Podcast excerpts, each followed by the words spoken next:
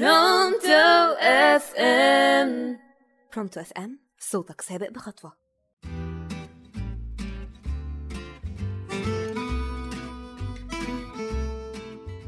ورجعت لكم تاني في موسم جديد على راديو Pronto FM عشان نعدل مع بعض الميل. أنا سمية طه مذيعة جيل التمانينات ودي حلقة جديدة من برنامجكم ما تيجي نعدل.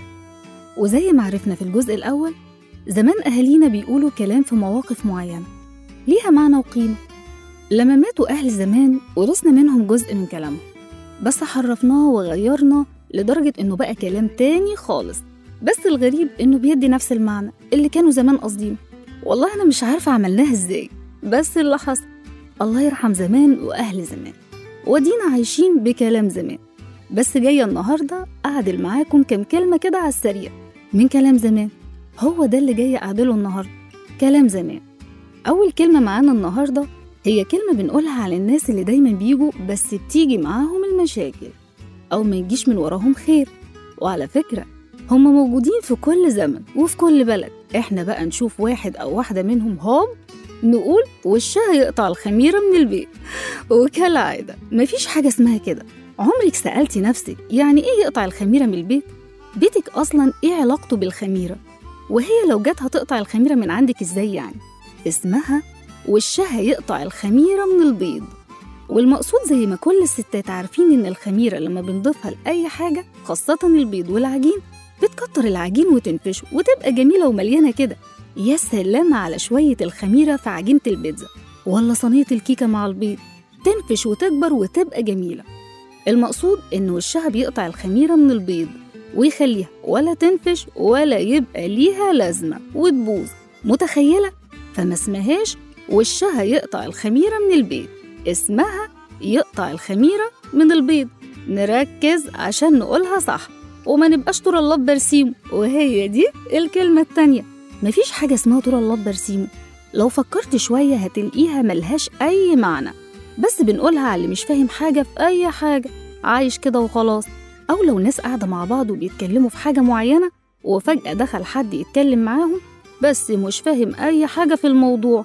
زي كده لما تدخلي على أخوكي وجوزي وهما بيتكلموا في الكورة مثلا والنجوم بتوع الكورة وإنتي؟ على الله حكايتك.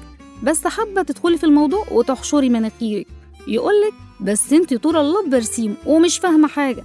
هي بقى زمان كانت بتتقال طور لاهي في برسيمه. يعني انت عامل زي الطور اللي ملهي برسيمه بياكل وبيشرب بس ومش فاهم أي حاجة تانية ولا شاغل دماغه بأي حاجة غير البرسيم والأكل يعني. فما اسمهاش طور الله برسيمه اسمها طور لاهي في برسيمه. أظن أنا عملت اللي عليا. آخر كلمة معانا النهاردة. هي كلمة دايما بسمعها في الخناقات بتاعت الستات وكلنا بنسمعها حتى في أفلام ومسلسلات زمان وأنا ما كنتش عارفة لها أي معنى الصراحة. هي كلمة يد العادي يعني إيه الكلمة دي؟ حد يرد عليا. المهم بعد شوية فرق وبحث وشقلبظات كده على النت لقيت أصل الكلمة. الكلمة دي كانت مشهورة فعلا زمان وكانوا الجيران خاصة الستات يقولوها لبعض في الخناقات والمشاكل بس كانوا بيقولوا يا ألد أعدائي يعني أكتر واحدة عدوة ليا.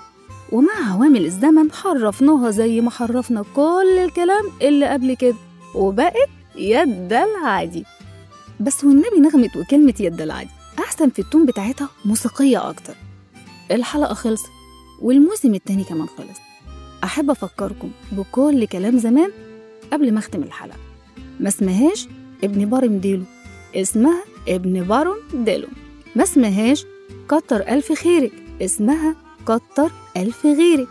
ما اسمهاش أنا كافي خيري شري اسمها أنا كافي غيري شري لو معرفتيش أصل الكلمات دي اسمعي آخر حلقة في ال season الأول.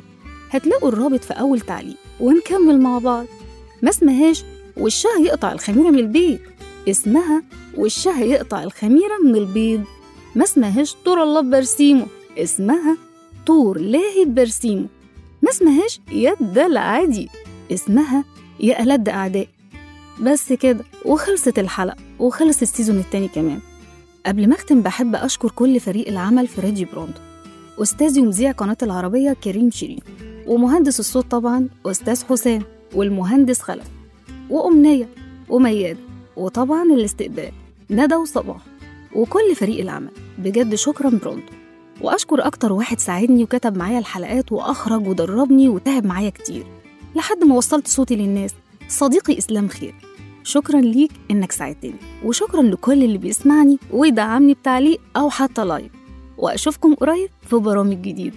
أنا سمية طه مذيعة جيل التمانينات. سلام.